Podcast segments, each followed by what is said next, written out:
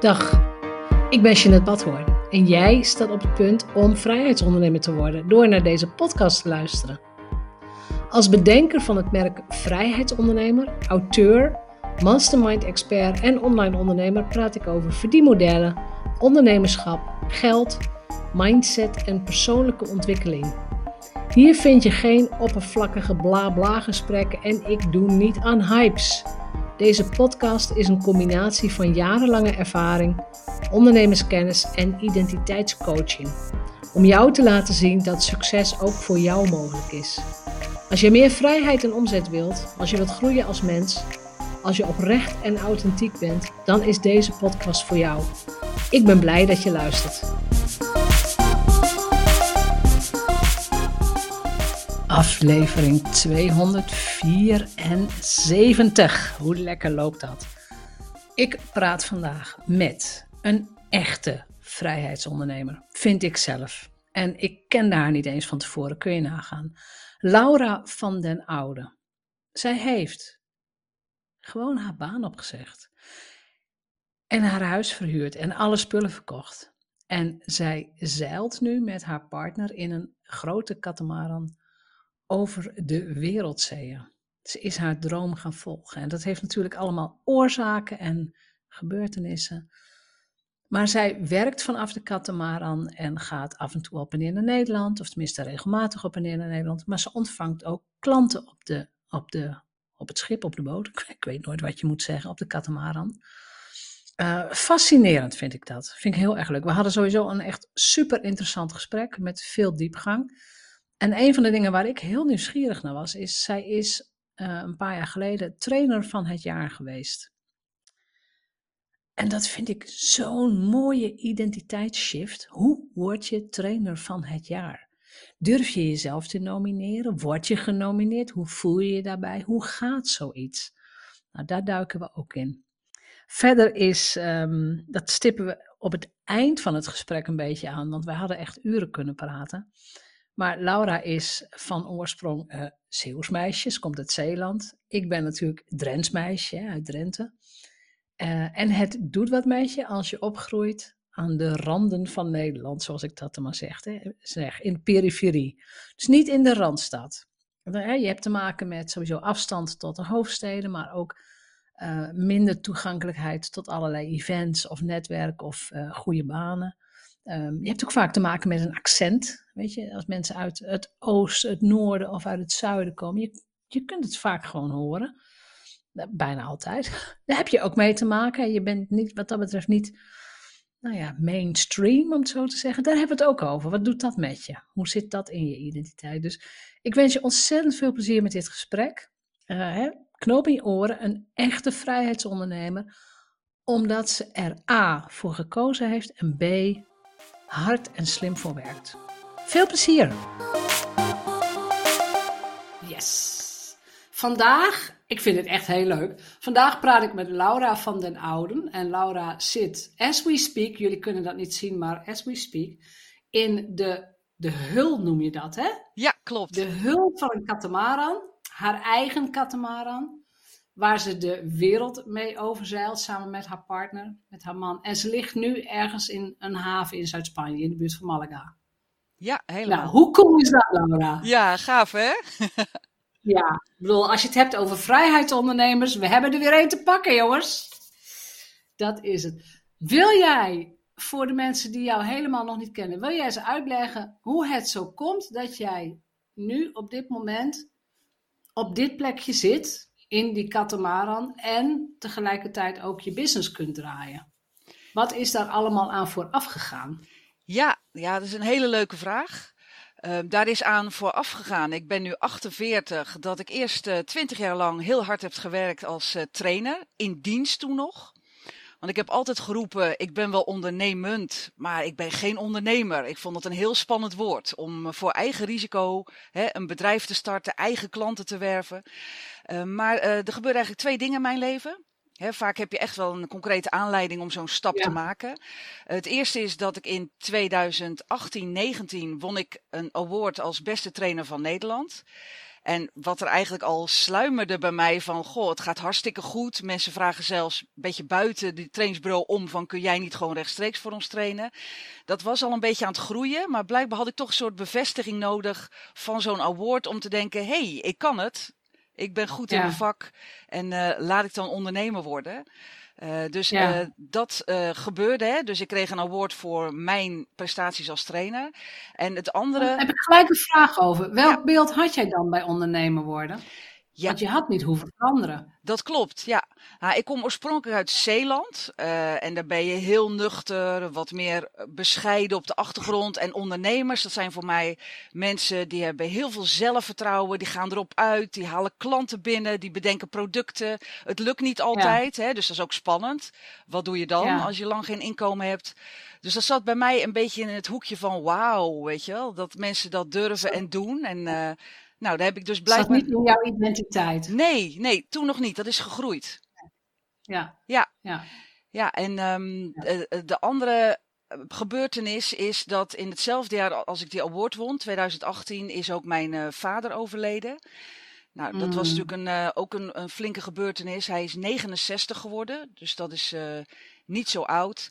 En um, nee. hij was ook iemand van, als ik straks met pensioen ben, dan ga ik lekker genieten van mijn leven. En nou, hij is ziek geworden en heeft dat niet meer kunnen meemaken.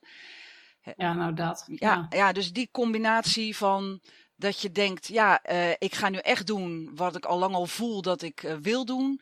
Um, want ja. morgen is je niet altijd gegeven. Nee, nee, we hadden het daar in het voorgesprek ook al over. Um,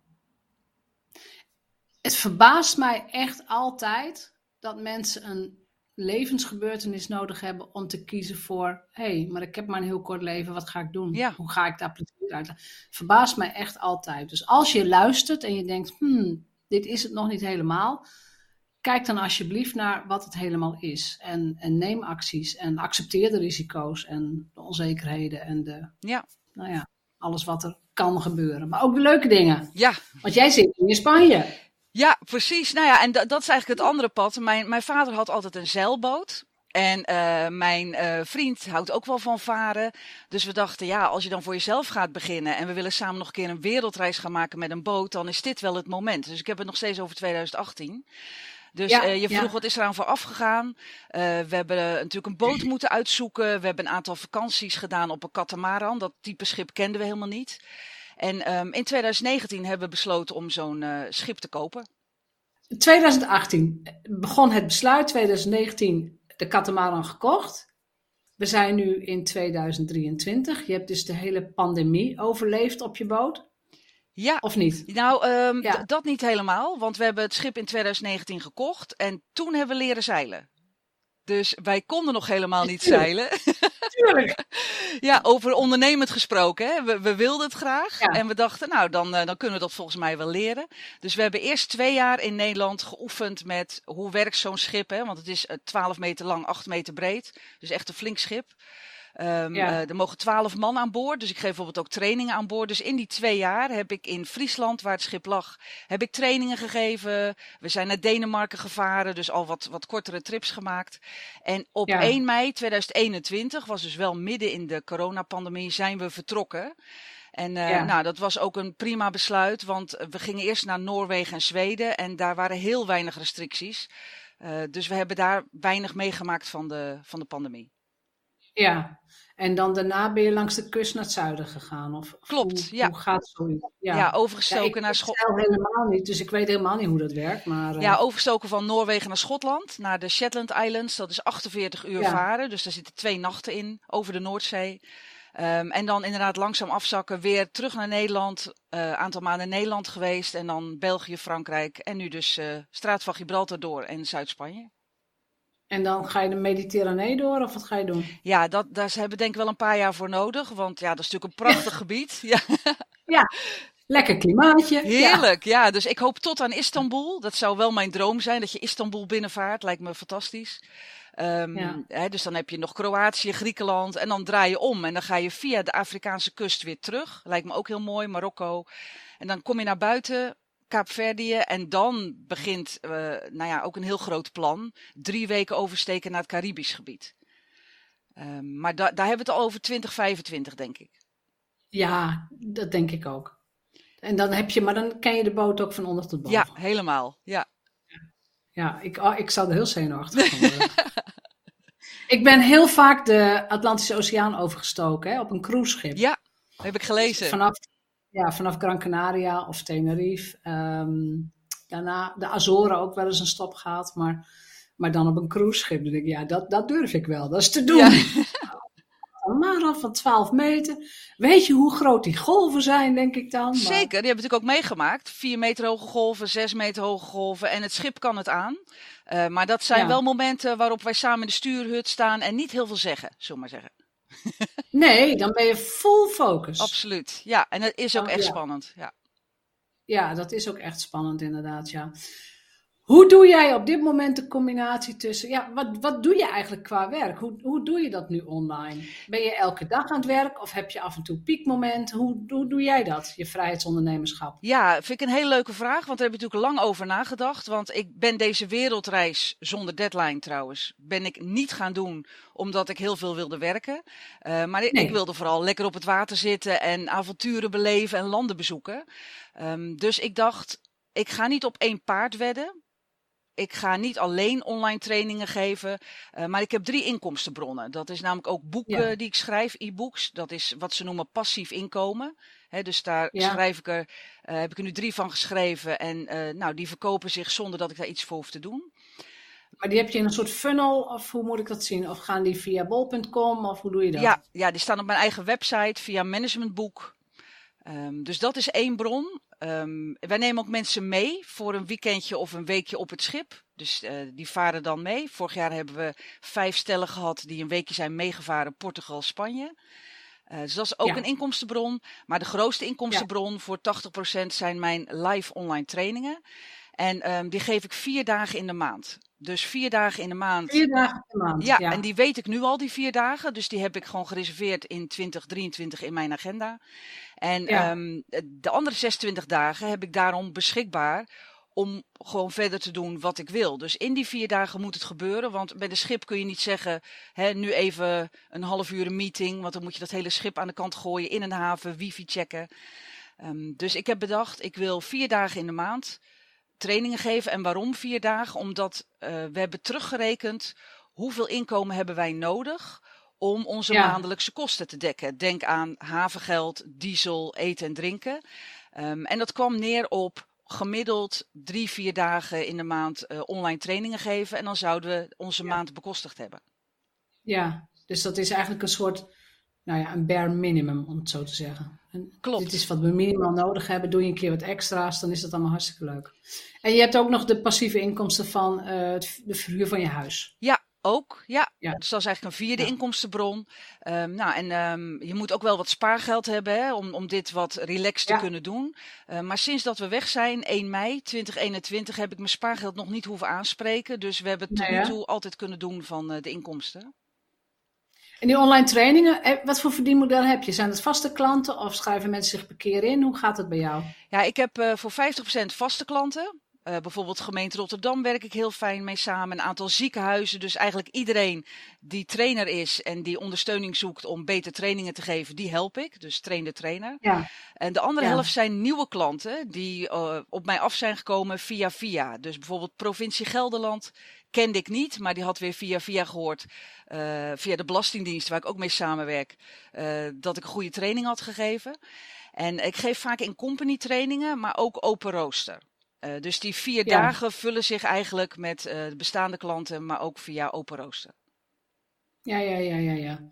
Het, het, het, klinkt, dat klinkt, weet je, dit heb je gewoon lekker naar je hand gezet. Ja. Dit, dit heb ik beschikbaar. Ik ga ervan uit dat je één, twee dagen van tevoren al een plek gaat opzoeken met goed internet. Dat je gewoon weet, als we overmorgen beginnen, dan loopt het weer als een zonnetje. Ja, dat klopt, ja. En ja. er gebeurde wel iets interessants, want ik ben een van de, de, eerste trainers geweest die ook echt online trainingen ging geven. Nou, dat heeft natuurlijk ja. mij een enorme boost gegeven en bekendheid. Um, ik had in 2019 vanwege dat schip al besloten, ik ga online trainingen geven. Nou, toen was dat nog helemaal niet aan... Uh, in de corporate, corporate was dat nog niet geaccepteerd voor corona, dat klopt. Ja, ja dus ik vond het ook spannend, van gaat dat lopen? Krijg ik überhaupt klanten? Nou, en ik was er dus al klaar voor. Ik had uh, Zoom en Teams aangeschaft november 2019. Toen kwam de pandemie. Um, dus ik heb daardoor uh, wel veel klanten ook in die periode opgedaan. En um, voor mij was dat een mooi omslagpunt door te denken, ja, als je. Ja, mensen noemen het wel eens eh, geluk in mijn geval. Goh, wat, wat, uh, wat een geluk heb je gehad dat die pandemie kwam en jij wilde precies online trainen. Maar voor mij is, Richard Branson heeft dat wel eens gezegd, geluk is eigenlijk when preparation meets opportunity. Dus ja. ik was er al klaar voor. Hè, ik had Zoom en Teams en dit kwam langs. Um, en natuurlijk zat ik, zit niemand te wachten op een pandemie, maar het heeft voor mijn werk heeft het wel uh, geholpen. Uh, maar als ik er niet klaar voor was, dan had ik daar ook niet op kunnen inspringen. Precies. Ik vind dat een hele mooie, want als er geen pandemie was gekomen, had je dit pad ook gevolgd. Zeker, ja. En dan had het misschien, weet je, dan had het misschien langer geduurd of je had een ander soort klant aangetrokken, maar was het ook gewoon doorgegaan. Ja, Helemaal. En ja. uh, toen had ik die vier dagen al bedacht. Want nou, dat was voor mij best wel omdenken. Van, hè, normaal ga ja. je gewoon werken en dan krijg je inkomsten. En aan het eind van de maand hou je wat ja. over of niet. Ik dacht, nee, ik ga het nu andersom doen. Wat heb ik eigenlijk nodig? Want zoveel heb je ook niet nodig als je op de wind vaart met zonnepanelen. Uh, dus we hebben terugberekend wat heb je nodig per maand, wat moet ik dan verdienen. En door die coronaperiode ja. kreeg ik zoveel aanvragen dat ik extra trainers, hè, toen zat ik ook nog in Nederland, 2020, extra trainers erbij heb moeten betrekken. Uh, en toen kwam, hè, dat is ook ondernemen, toen kwam bij mij het idee, oh, ik kan het ook zo doen. Ik ga zeilen en die drie trainers waarmee ik nu inmiddels samenwerk, die kunnen de trainingen doen. Dat klonk heel aantrekkelijk, en toen ben ik nog eens even in het diepste van mijn hart gaan kijken. Wil ik dat ook? Want uh, ja. leef je dan even in wat je dan wordt? Dan word je een soort bedrijfsleider op afstand. Hè, die ja. ze gaan bellen als er gedoe is. Hè, uh, de klant is niet tevreden, de klant wil verzetten. Tevreden zijn, ja, klopt. Ik denk, ja, word ik daar nou gelukkig van? Van allerlei spoedbelletjes die ik dan op mijn schip ergens moet gaan oplossen. Nee, ik vind het zelf leuk om te trainen vier dagen in de maand en uh, heb ik het helemaal in eigen hand en dan beleef ik ook de meeste plezier eraan. Ja, uh, dus ik, ik snap hem helemaal. Ja, toen heb ik dus die ja. mensen ook weer afgebouwd. Toen ja, heb ik gezegd, snap het helemaal. we hebben een jaar samengewerkt en soms kan ik nog beroep op ze doen. Als in mijn, ja, dat is prima. Ja, precies. Als in mijn vier dagen, als ik een dubbele boeking bijvoorbeeld heb, nou dan weet ik die drie, uh, werk ik heel fijn mee samen, daar kan ik altijd op rekenen. Maar het is niet ja. dat ik zo'n type onderneming zou willen hebben. Ik wil het echt zelf nee. doen en uh, ook zelf de dingen beleven. Ja, oh, en ik snap het helemaal, want je hebt, je hebt ook niet de regie over hoe zij hun werk doen. Nee. Dat, dat, je bent er niet bij, je kunt het niet sturen. Dus um, ik snap dat helemaal. Ja, ja. Ik en ik heb ook altijd gezegd, ja. ik ben niet zo'n manager. Ik vind mensen inspireren en coachen fijn. Maar uh, ja, die krijgt natuurlijk ook de moeilijke gesprekken. En uh, ja, daar, ik ben ondernemer geworden ja. omdat ik uh, graag het in eigen hand wil houden. En gewoon rust wilt hebben. Ja. ja. Rust, ja. Ik vond het ook wel, je had één zinnetje dat je zei, ik ben eens even heel diep bij mezelf gaan voelen en zoeken. Daar hoor ik ook jouw expertfactor in, want je hebt ook de expertfactor quiz gedaan op mijn website. En jouw expertfactor is intuïtie. Klopt, ja. Leg eens uit wat die expertfactor voor jou doet, maar ook voor je business doet. Hoe gebruik jij hem? Hoe zet je hem in? Nou, to toevallig had ik daar pas nog een ervaring mee. Um, dat ik met een uh, IT-bedrijf in gesprek was om voor hen trainingen te geven. En het ging moeizaam. En zij kwamen hun afspraken niet na. En we zijn daar al wat langer mee bezig. En ik dacht, ja, weet je, als dit het nu al is in deze fase en we gaan samenwerken, dan, dan blijft dat zo gaan. Wat je nu krijgt, is ook wat je straks hebt. Dus ik heb het ja. gewoon afgebroken. Ik heb gewoon gezegd, volgens mij zijn wij geen match. En uh, jullie zijn een ontzettend mooi groot bedrijf. Maar zoals het nu gaat, dat wordt voor mij een voorspelling zoals het straks gaat. Met heel veel gedoe, waar ik achteraan moet jagen. Mensen komen niet opdagen. Uh, dus mijn intuïtie zei, dit is niet het type klant voor jou. Uh, en dus ik ben daarmee gestopt. Uh, andersom gebeurt het ook dat iemand op mij afkomt. Uh, we hebben helemaal geen contract getekend, maar ik denk, dit voelt zo goed. Uh, hè, dat heb ik met een aantal ziekenhuizen gehad en daar heb ik nu al tien jaar de samenwerking mee. Dus ik luister wel ja. goed naar mijn intuïtie. heb ik zin om mensen te bellen? Heb ik zin om contact te zoeken? Zo nee, dan is er wat aan de hand. Ja, En ik vind dat eerste heel belangrijk. Dus uh, dat zijn die alarmbellen. Ja. Die hebben we denk ik allemaal wel. Van ah, oh, moeilijk, eh, dat loopt niet lekker. Um, hoe zorg jij dat je dan niet je knop aanzet van, oh, ik wil achter dat geld aan. Want het is natuurlijk omzet, wat heel veel ondernemers zien, hè? is omzet. Dus ik ga er wel achteraan jagen. Hoe zorg jij dat je, nou ja, dat je eigenlijk blijft vertrouwen op je intuïtie en kunt blijven kiezen voor klanten die jou wel vreugde brengen? Ja, dat uh, heb ik ook wel moeten leren. Want ik ben natuurlijk ook een paar keer in de valkuil getrapt. Waardoor ik achteraf zei: zie je wel, zie je wel. Had nou maar geluisterd naar wat je toen al voelde. Uh, dus ja. soms moet je dat een paar keer hebben meegemaakt om te weten: nee, ik moet daar naar luisteren. Uh, dus ik heb altijd een soort tweede stemmetje in mijn hoofd. Een reality check. Hè, van wil ik dit nu echt? Wat voel ik nu echt? Heeft dat met mijn eigen gevoelens te maken? Of kan ik het echt op feiten baseren dat iets niet lekker gaat? Um, en ik vind ook je omgeving helpt daarbij. Dus um, ik praat dan ook hardop tegen mijn man van dit voelt niet goed. En die stelt mij een paar van die checkvragen, waardoor ik ook weer van buitenaf bevestigd krijg van ja, dit gaat toch niet de goede kant op. Um, ja. En andersom ook, hè. Bijvoorbeeld toen wij een aanbod kregen om zo'n schip te kopen. We hadden nog helemaal niet in de planning om dat schip te kopen. We hadden gezegd 2025, dat was ons plan. Oh echt? Ja, ja. en uh, we kregen een heel mooi aanbod. En we hadden een klein hotelkamertje gehuurd in Frankrijk. En we waren naar een show geweest met allemaal boten. En we kregen een supergoed aanbod. Dus toen zei ik ook van, hoe voel jij je nou als we het niet doen? We zeggen nu nee. En toen zei hij, ja, eigenlijk helemaal niet goed. Want dit, dit, zo'n kans krijgen we nooit meer. Nou, dat was ook precies wat ik voelde. Dus de volgende dag hebben we het contract getekend. Mega spannend, want ik wilde eerst leren zeilen. Allemaal zekerheden inbouwen. Nee, je krijgt het schip over drie maanden in Nederland. En, uh, en toen zijn we pas leren zeilen. En achteraf, hè, de pandemie was uitgebroken, had het schip nooit meer gekocht. Uh, het, het nee. is ook in 20% in prijs gestegen.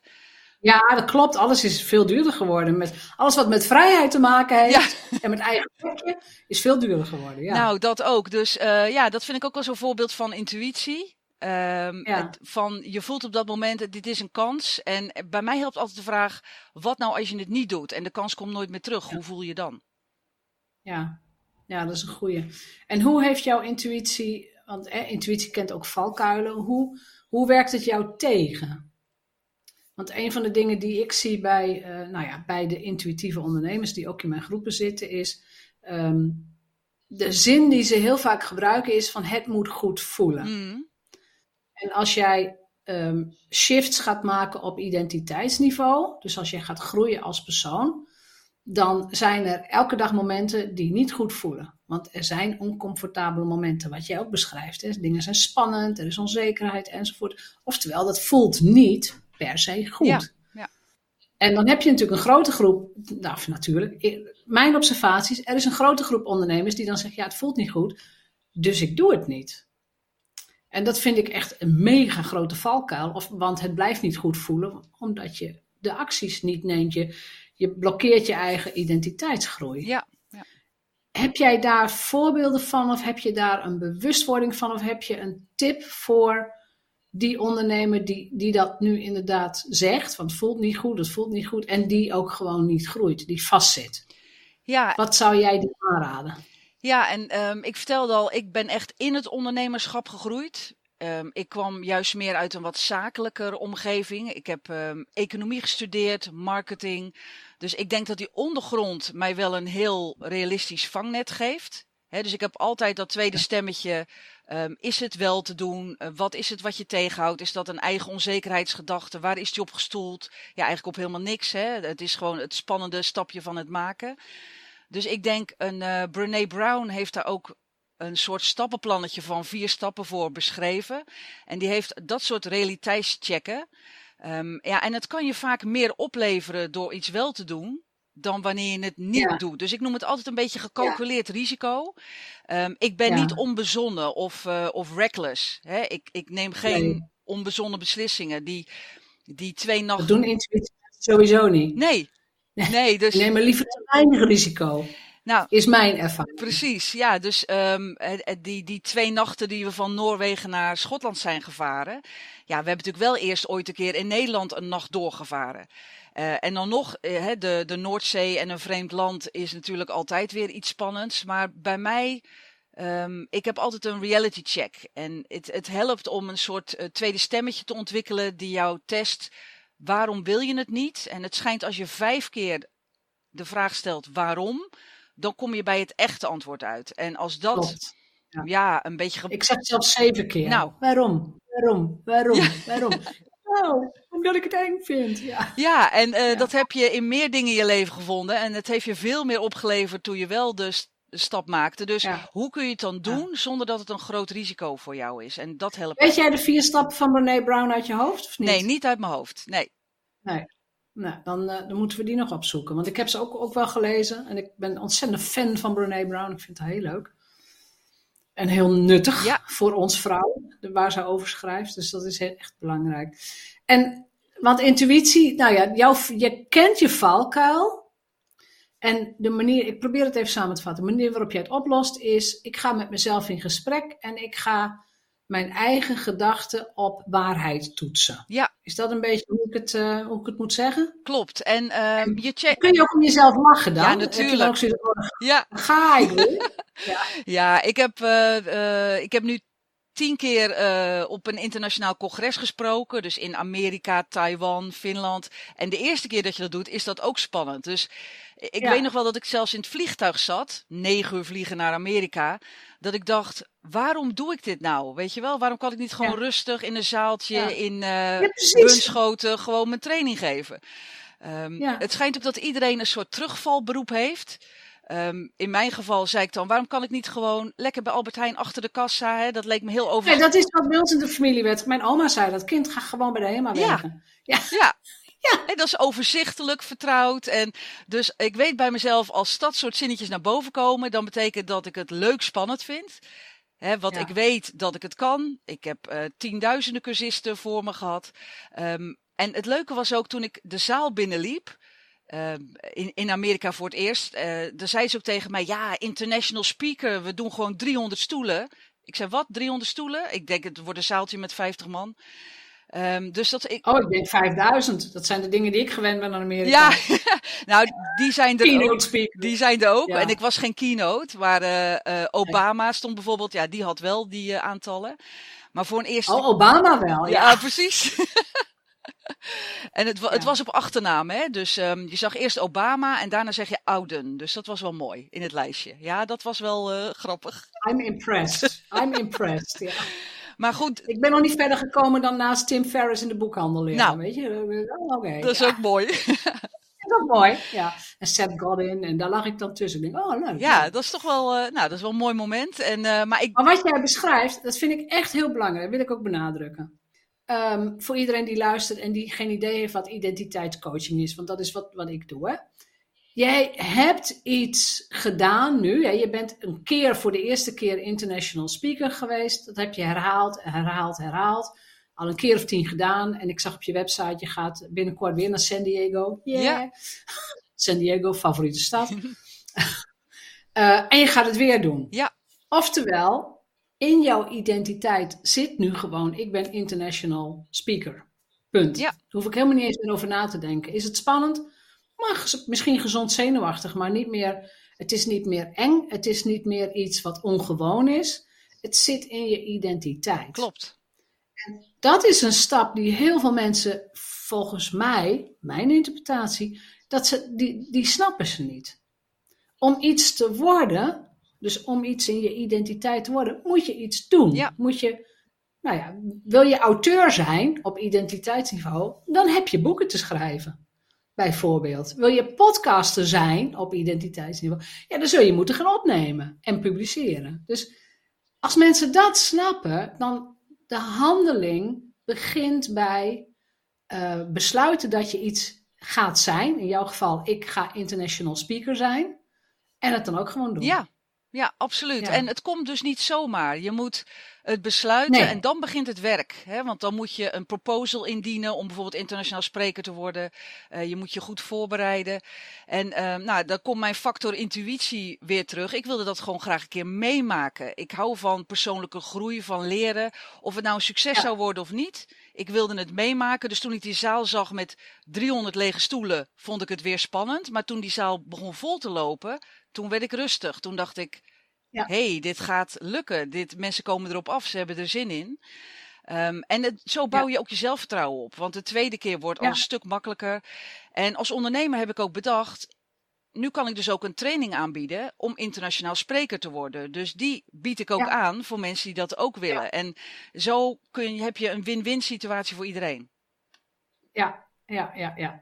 Ja, ja ik, ik, ik ben het helemaal met je eens. En het punt is, je kunt het ook alleen maar worden als je zo'n beetje met je ogen dicht ook je verhaal kunt vertellen. Je moet heel goed masteren wat je gaat vertellen. Je moet uh, je, ook als er een vraag uit het publiek komt, dan moet je denken: oh, wat is dit leuk? Wat is dit fijn? Hier kan ik over vertellen. Dus je moet al wel de expert zijn. Klopt. Ja, ja je moet wel uh, proven concept zijn. Dus ze willen wel mensen hebben die nou, door de eerste spanning heen zijn gegaan en die bewijzen dat ze het kunnen. Maar voor veel mensen is het gewoon een nieuwe stap. En dat snapt zo'n congres ook. En, maar ze zijn heel dankbaar voor nieuwe international speakers. Heb je jezelf laten trainen op sprekersgebied? Uh, op mijn Engelse uitspraak wel. Trainen en spreker zijn is, vind ik wel echt, echt twee beroepen hoor. Klopt, ja. Ik heb veel TED-talks gekeken. Dus daar zag ik ook dat je inderdaad sprekerschap anders opbouwt dan een training. Hè, training zit veel meer interactie in. Um, en sprekerschap gaat veel meer over je verhaal vertellen, waar ook zeker interactie moet zitten. Maar ik heb op uh, Engels heb ik wel een Engelstalige coach, een native speaker in de arm genomen. Want wij Nederlanders spreken heel vaak over een video, terwijl het een video is. Uh, zij heeft mij geholpen met leuke bruggetjes te maken. Hè, van, uh, dus samengevat zou ik nu willen zeggen.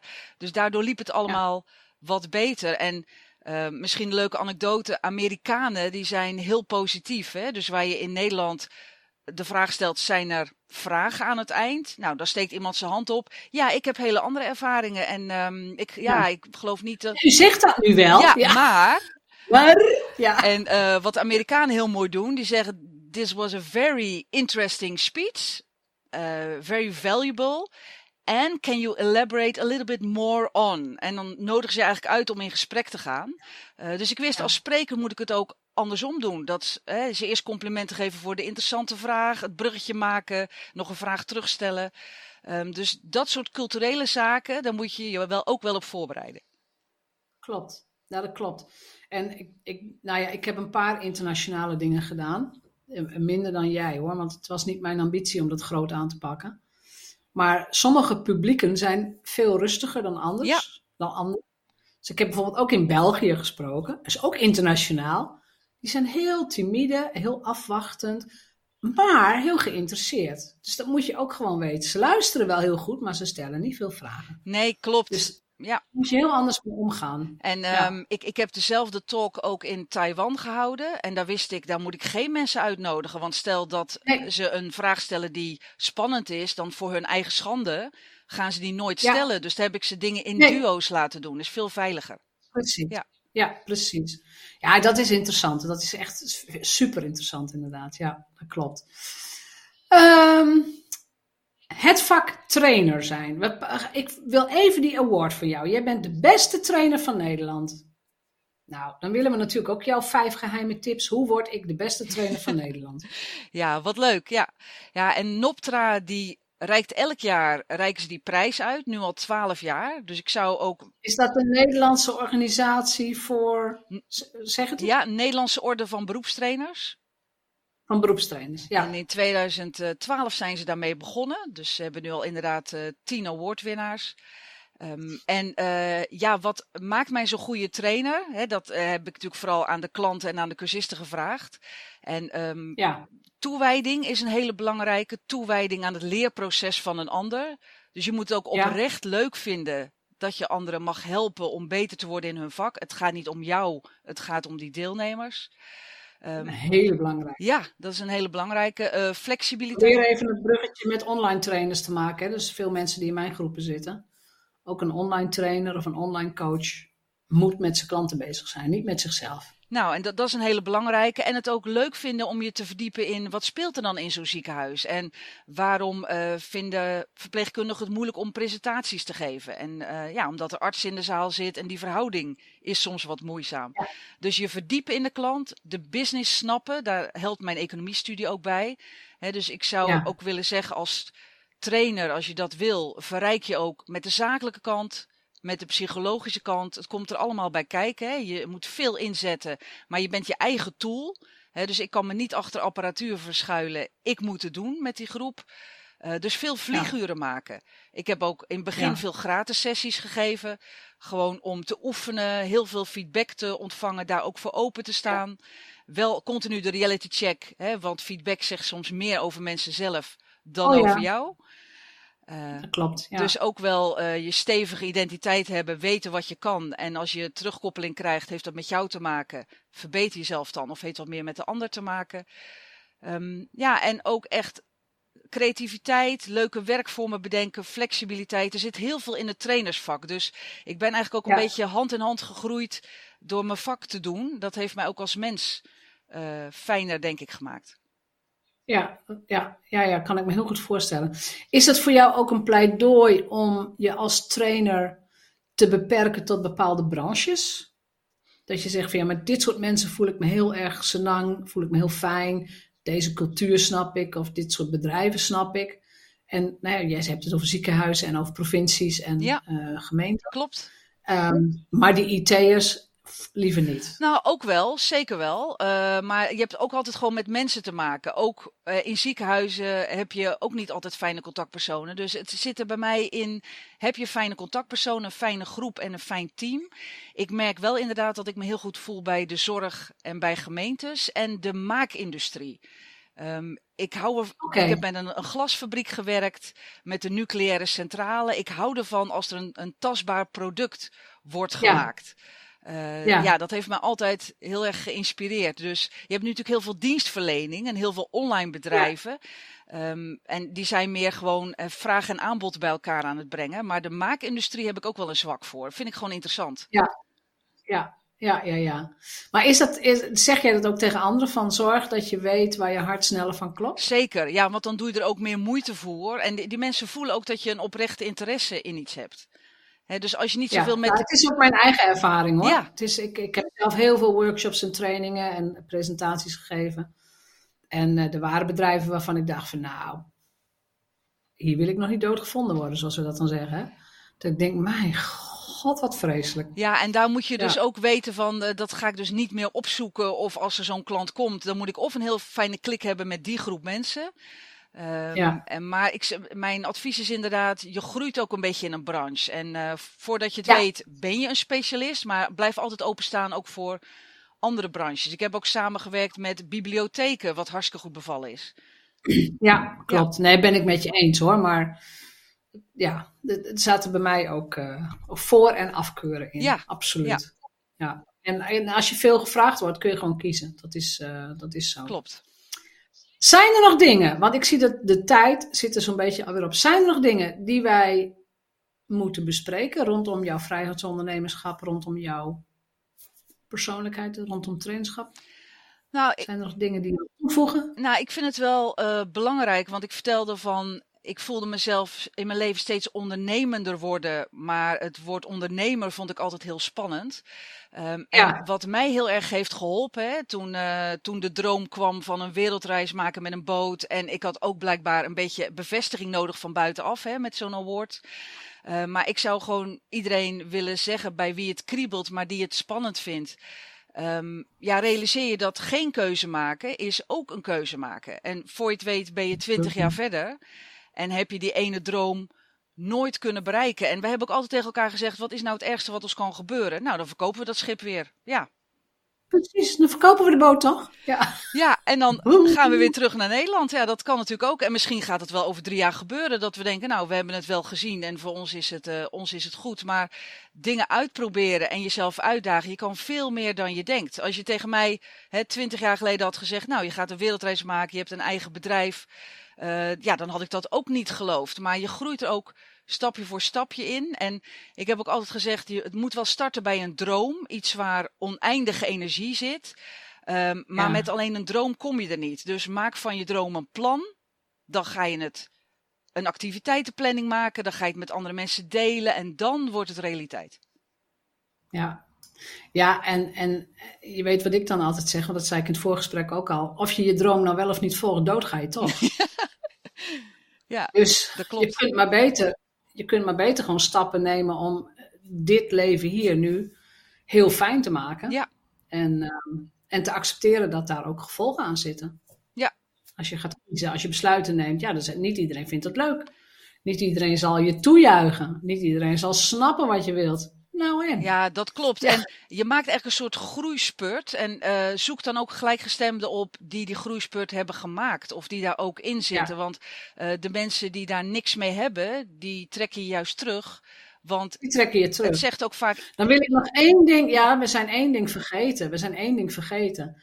Um, ik heb het altijd over mijn Drentse meisje-identiteit. Jij bent Zeeuwsmeisje. Klopt, ja. Ah, hoe heeft dat je beïnvloed? Want het is echt een, vind ik, essentieel onderdeel van wie ik ben. Ja, voor mij ook um, zeker. Ja. Ja, leg het eens uit. Leg jij het eens uit. Nou, alleen al het feit dat ik tot mijn achttiende heb gehoord dat uh, wij wonen hier op een eiland en dan heb je de overkant. De overkant, Met ja. de grote stad. Hè, Rotterdam in mijn geval. Uh, dus dat Ja. zegt al iets over dat je een kleine gemeenschap bent waar mensen ook met elkaar trouwen, uh, uh, leren, werken en eigenlijk hun hele leven op een eiland slijten. En er is niks mis Ja. mee, prachtig eiland. Alleen ik zat de hele tijd in die Ja. bosatlas. Hè. Ik zat te kijken naar Argentinië. Uh, ik zat te kijken naar Ik kende de bosatlas ook uit mijn hoofd. Natuurlijk, ja. um, dus bij mij trok Ja. het buitenland. Ik kon me niet voorstellen. Je zag allemaal prachtige plaatjes over Azië. Ja, ik denk het, het Ja. leven is te kort om op één eiland te zitten. Dus ik wilde erop uit. Hè. Dus ik ben ook op Ja. mijn 22e in Amerika gaan studeren. Uh, maar als vrouw, en zeker ook uit een Zeeuws gebied, zijn dat best wel spannende stappen. Hè, als ik denk aan mijn Ja. basisschoolklas, ik weet niet of veel mensen die stap ook hebben genomen. Hè, om aan de overkant te gaan studeren, te gaan wonen en ook een, een eigen onderneming te gaan starten. Um, Ja. Dus ja, dat is voor mij. Het, het heeft me nuchter gemaakt en daar ben ik heel blij om, maar het houdt je soms ook tegen. Um, en ik heb op een gegeven moment Ja. wel de stap gemaakt en daar ben ik wel blij om, want het heeft mij wel meer verrijkt. Ja, nou ja, als ik terugkijk naar mijn Drentse jeugd, en dat was geen eiland, maar goed, het was wel afgesloten met hunebedden enzovoort, ver van de wereld. Uh, het was wel een hele veilige omgeving. Dus het was wel een hele veilige bedding van, oh, ik ben echt, nou ja, zorgeloos Zeker. opgegroeid, om het zo te zeggen. Ja. En dat, en dat is ook heel veel waard. Ja, Ik bedoel, nu kan ik er anders naar kijken dan toen ik 22 was, laat ik het zo zeggen. absoluut. En uh, onvoorwaardelijke liefde van je ouders. En uh, ook Ja. aanmoediging, hè, van, want ik kon goed leren. Van nou, dan, uh, dan ga je ook naar het Atheneum en dan ga je ook straks in Rotterdam studeren. Dat vertrouwen heb ik van hun altijd meegekregen. En daar ben ik ook heel blij om. Ja, ja, ja, ja, ja. Ja, en soms heb je maar een paar mensen nodig die net even dat vertrouwen uitspreken of iets tegen je zeggen. Ja, Want mijn ouders die hadden dat dus niet zo met, met school. En uh, uh, een van mijn oma's had het wel. Die vond het heel belangrijk dat vrouwen gingen doorleren. Maar mijn ouders, moi. Weet je, die hadden liever dat wij gewoon lekker bij, bij, bij elkaar in de buurt bleven wonen. Maar ik had um, op de lagere school, dat was vroeger de lagere school, uh, in de vijfde, wat dan nu groep 7 is voor de jonge luisteraars. uh, toen had ik een, um, een uh, leraar. En die zei tegen mij op een gegeven moment: uh, Meisje, dat mocht toen nog. Meisje, jij kunt wel naar het Atheneum. Dat was de eerste die dat zei. Terwijl ik echt wel misschien onbewust wist van, oh, ik kan wel goed leren, ik vind het makkelijk. Ik was altijd een van de snelsten in de klas, bla bla bla. Maar meisje, jij kunt wel naar het Atheneum. En vanaf dat moment had ik ook maar één doel. Dus soms heb je maar één iemand nodig die een zinnetje zegt en zegt, jij kunt dit. Ja, absoluut. En dat is zo belangrijk om dat te weten en om, om het ook te horen van, oh, die persoon heeft vertrouwen in mij. En nou ja, toen was ik elf of zo, tien, elf jaar. Dus dan ga je niet vragen, nou, waarom denkt u dat? Nee. Ik denk, oh, ja, oh, oh, oh. Nou ja, goed, dan, dan, dan gaat het balletje rollen. En dan, dan zit je in de laatste of in de, in de zesde klas. En dan, toen hadden we ook al de CITO en die ging ook goed. En inderdaad, ik ging met één ander meisje samen uit mijn klas. Wij gingen met z'n tweeën naar het ateneum. Ja. Ja, dat, dat was, en dat was voor die, ik had een, uh, een, een uh, lagere schoolkast, twee naar het ateneum, twee jongens gingen naar het gymnasium in uh, Groningen, in de grote stad. En dat was het. De rest ging allemaal, nou ja, MAVO, HAVO, volgens mij hadden we zelfs nog huisartsschool, LTS, hadden we ook allemaal nog. En dat, en dat was het. Ja. Ja. Ja. ja, en er zit dus ook heel Ja. veel in rolpatronen. En ja, eh, Heel veel. En dat is ook wel interessant, vind ik hoor. Want eh, eh, ik heb, nou, mijn vriend is denk ik mijn, mijn grootste liefde die ik ben tegengekomen. En we hebben een hele fijne, gelijkwaardige relatie. En, en toen we met ons schip in Zeeland kwamen, en dan stonden we op het schip met mensen te praten. En dan vroeg ze aan hem van, hey, hoe, hoe, hoe is het u gelukt om zo'n schip te kopen? Terwijl ik ben eigenaar van het schip. Ah, dus nou, dat. dat is ook heel leuk. En, dan, eh, en we hebben er samen natuurlijk veel lol om. Dus ik kijk dan naar hem en ik zeg, ja, vertel eens, hoe ben je ooit aan dat schip gekomen? Dus we hebben daar Ja. samen veel lol om. Dat, En zegt hij dan ja, je moet gewoon een rijke vrouw zoeken? ja, als grapje zegt hij dat al. Leuk is dat, hè? Ja, Ja, dat zou ik ook zeggen, ja. ja dus ehm, Ja, maar dat is zo. Je, je moet je bewust zijn van al die patronen en al die Ja. culturele overwegingen die, eh, ja, die ons ook beïnvloeden, zeker. zeker, ja. Ja. Ja, nee, die wou ik nog even benoemen. Ons, ons Drentse meisje, Zeeuws meisje eh, gevoel. Ja, heel goed. zo te ja. ja, heel belangrijk. Is er nog een laatste opmerking? Want anders gaan we het gewoon heerlijk afronden. Nee, ik wil je heel erg bedanken voor het persoonlijke gesprek en de mooie vragen. Ja, jij bedankt dat je meedoet. En in de show notes zal ik ook zeker de verwijzing naar jouw website zetten. En ik zal mensen ook zeker vertellen. Kijk of je, als je als trainer beter wilt worden, of je een keer, eh, in dit geval de komende keer is gewoon op Mallorca, geloof ik. Of je naar Mallorca gaat en jezelf laat trainen Laura, want dat lijkt me ook fantastisch. Ja, leuk. Dus eh, komt in de show notes en dan, ja, ik wens, je, ik, ik wens je behouden vaart. Dat is wat je zegt, geloof ik, hè? Behouden Ja, vaart. dankjewel. En, en die oversteken, dat lijkt me heel spannend. Dan ga ik je op de voet volgen. Ja. Van, oh, waar zijn ze nu? Dankjewel. Nee, helemaal goed. Dankjewel. Bedankt voor het luisteren naar de Vrijheidsondernemers Show. Geef de show een review op Apple of Spotify. Als vrijheidsondernemer werk je waar, wanneer en met wie jij wilt. En dat gun ik jou ook. Ik weet dat het kan. En bij de juiste keuzes is vrijheid voor jou ook mogelijk. Dus op jouw vrijheid.